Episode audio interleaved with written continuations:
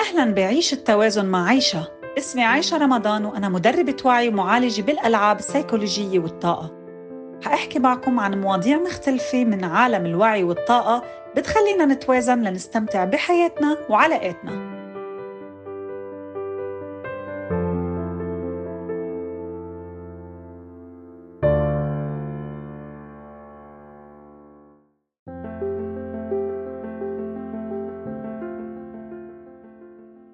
حكينا بالحلقة الماضية عن الطاقة الإيجابية. اليوم بدنا نحكي عن كيف نرفعها في كتير طرق لحتى نرفع من ذبذباتنا ونستشعر الطاقة الإيجابية.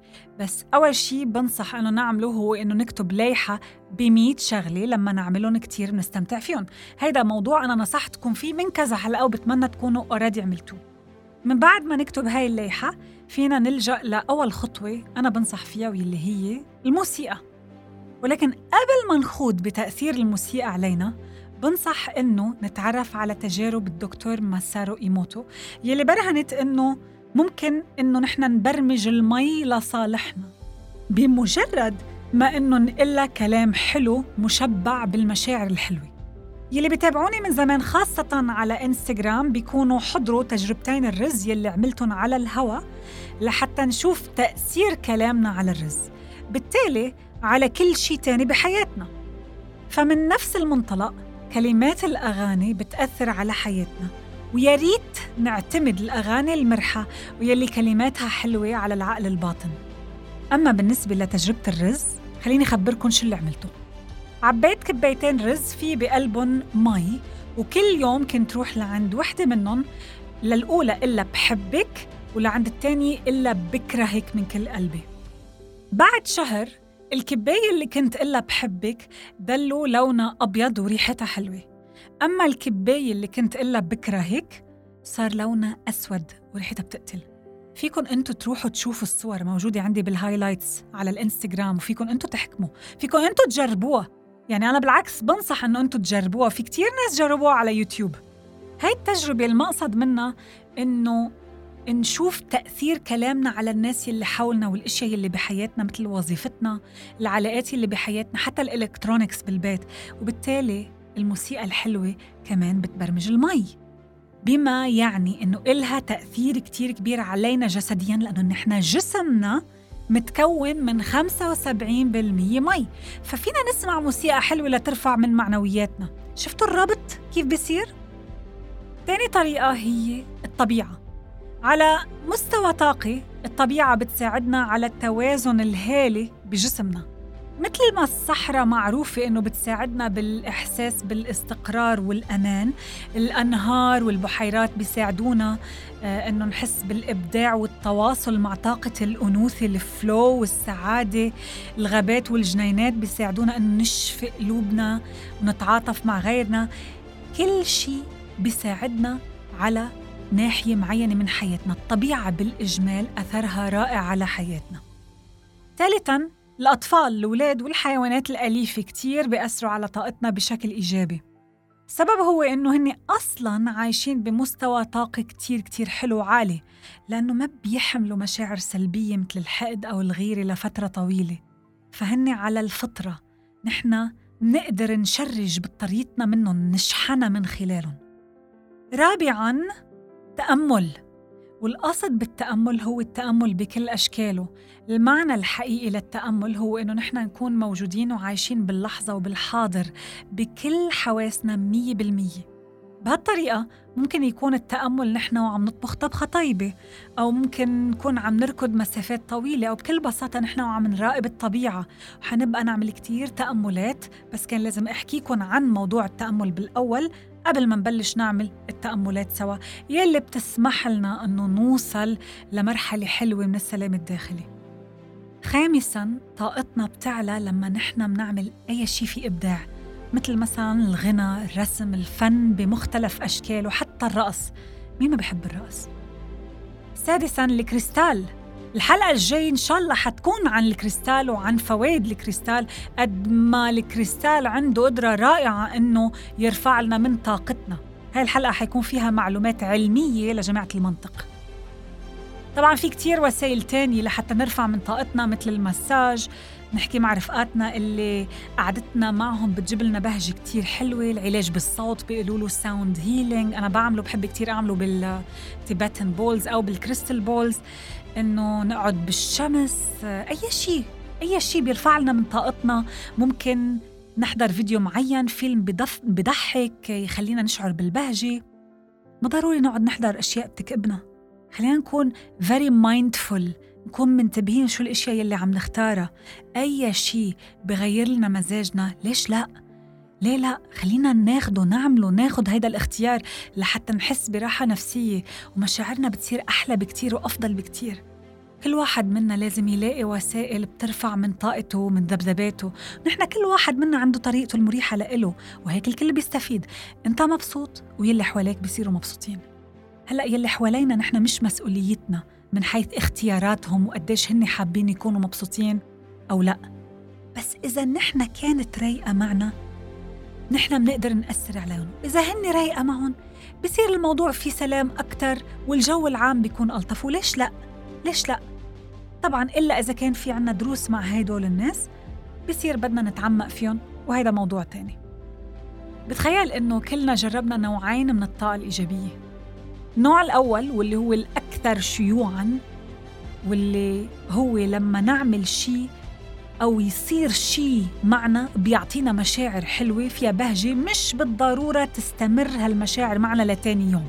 يعني على حسب شو عم بيصير معنا وقديش عنا عزيمة لنتحكم بأفكارنا وبوجهات نظرنا. بمعنى تاني قديش نحن مرتاحين نعيش بالنكد أو حابين نغير الواقع تبعنا. أما النوع الثاني منسميه ال vortex. وهو هيكل طاقي بقلبه كل شي منحبه. منشعر إنه كل شي تمام. علاقتنا لطيفة الحظ محالفنا هيك هيك يعني كله قاعدين ببهجة وشغف وكله تمام. هلأ السر بال vortex إنه بيبتدي بسلسلة اختيارات نحن منعملها لنرفع من ذبذباتنا. بس لما نحافظ على هاي الذبذبات لفترة طويلة بيصير الموضوع مثل ال domino effect الأخبار الحلوة بتضلها تهل علينا. في معلومة خطيرة بدي لكم إياها واللي هي إنه الكون مبني على التوازن. سبق وشرحتها بدي إياها تنخرط بمخكم يعني شو توازن؟ مثل ما في نهار في ليل مثل ما في شر في خير. نحن ما بدنا نلغي وحدة من التانية لأنه من رحم الشر بيخلق الخير. فعادي كتير إنه نحن نطلع من هيدا ال vortex بعد فترة أو كل فترة والتانية. بس أهم شيء هو إنه نتذكر إنه هاي فترة وبتمر وحنرجع ندخل على ال vortex مرة تانية. لأنه احزروا شو؟ أجمل لحظة بال vortex هي لحظة دخولنا عليه. مش نحن وفيه بل لحظة دخولنا على هيدا الهيكل الطاقي هلأ لما نفوت عليه بدنا نحاول قدر الإمكان إنه نضل هونيك لأطول مدة ممكنة. في كتير ناس بعالم الوعي بيطلعوا حالهم من ال vortex باختيارهم لأنه بيكونوا اشتاقوا لل excitement لهيدا الشغف اللي بيشعروا فيه لحظة دخولهم على ال vortex. بس الفكرة إنه لما بيطلعوا منه ما بيطلعوا برا ويطولوا لا لا لا كلها كم ساعة كم يوم ماكسيموم وبيرجعوا بيفوتوا عليه. طبعا هاي بتاخد وقت لحتى نتقنها بس بعدين أوف عن جد حياتنا بتتغير.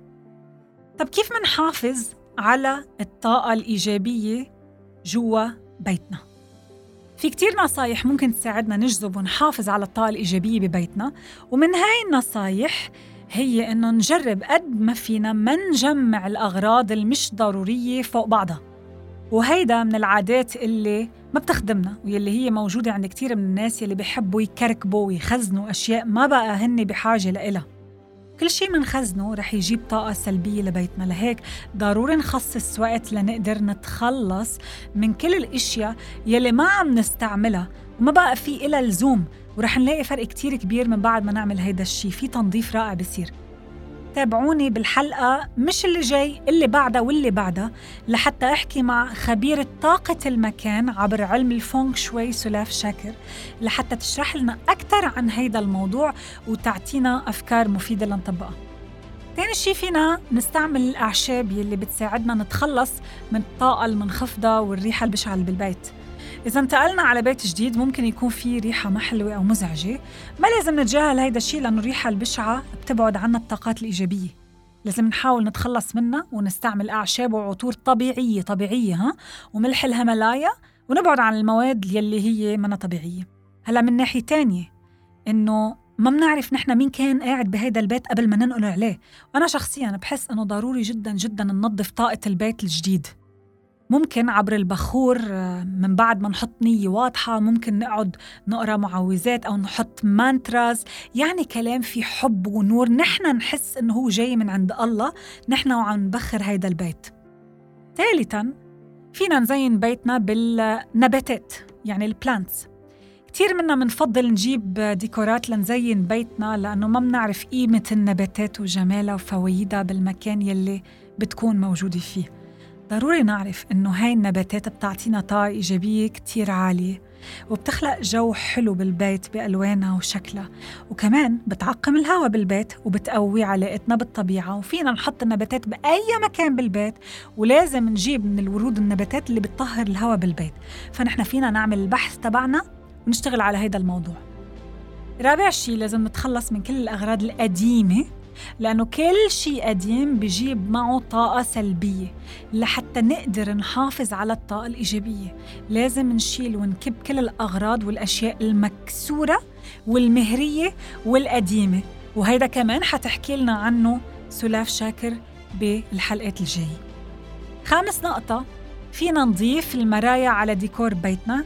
كتير كتير آه، طبيعي إنه المرايا تكون موجودة بكل البيوت لأنه ما فينا نستغني عنها. وإذا كمان ضفناها على الديكورات بالبيت الأساسية رح نجذب طاقة إيجابية كبيرة لأنه بتعكس الضوء تلقائيا على البيت. وهيك بتزيد الإضاءة وبزيد جمال البيت والسعادة اللي فيه.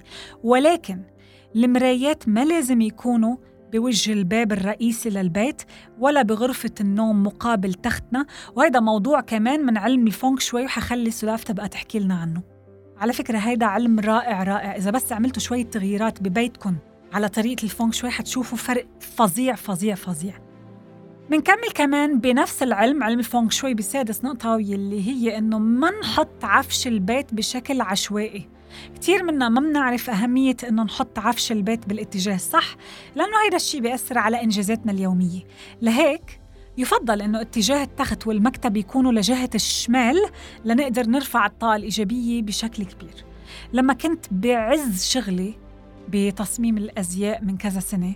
كنت عم بيع بشوروم بنيويورك بأمريكا وأصحاب هاي الشوروم الجدد خبروني إنه أخذوا هذا الموقع من المصممه العالميه فيرا وانغ. طبعا كل الناس اللي بتعرف بالأزياء بيعرفوا شو يعني فيرا وانغ اسم عالمي رائع ها؟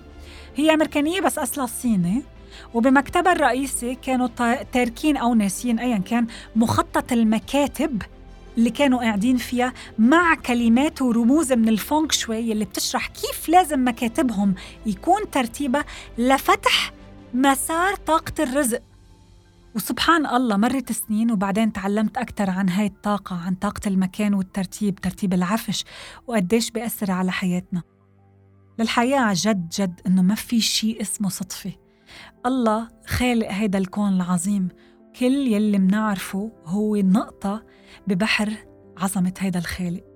بالحلقة الجاي حشارككن عن عظمة الكريستال يلي ربنا خلق لنا إياه. وباللي بعدها حنحكي عن الفونغ شوي. انتظروني لأنه الحلقات الجاية حتصير أدسم وأحلى من أي وقت تاني. شكرا لمتابعتكم ومتحمسة أكون معكم خطوة خطوة بهالرحلة لنستفيد أعمق إفادة. فيكم تتابعوني على إنستغرام عايشة رمضان A I S H A رمضان. لتتعرفوا على جلساتي العلاجية وعلى كورساتي. بشوفكم بالحلقة الجاي